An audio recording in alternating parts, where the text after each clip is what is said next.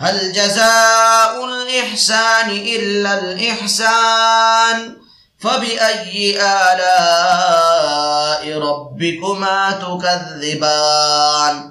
بھلا احسان کا بدلہ، احسان کے سوا اور بھی کچھ ہو سکتا ہے۔ سو اے جن و انس، تم اپنے رب کی کون کون سی نعمتوں کے منکر ہو جاؤ گے؟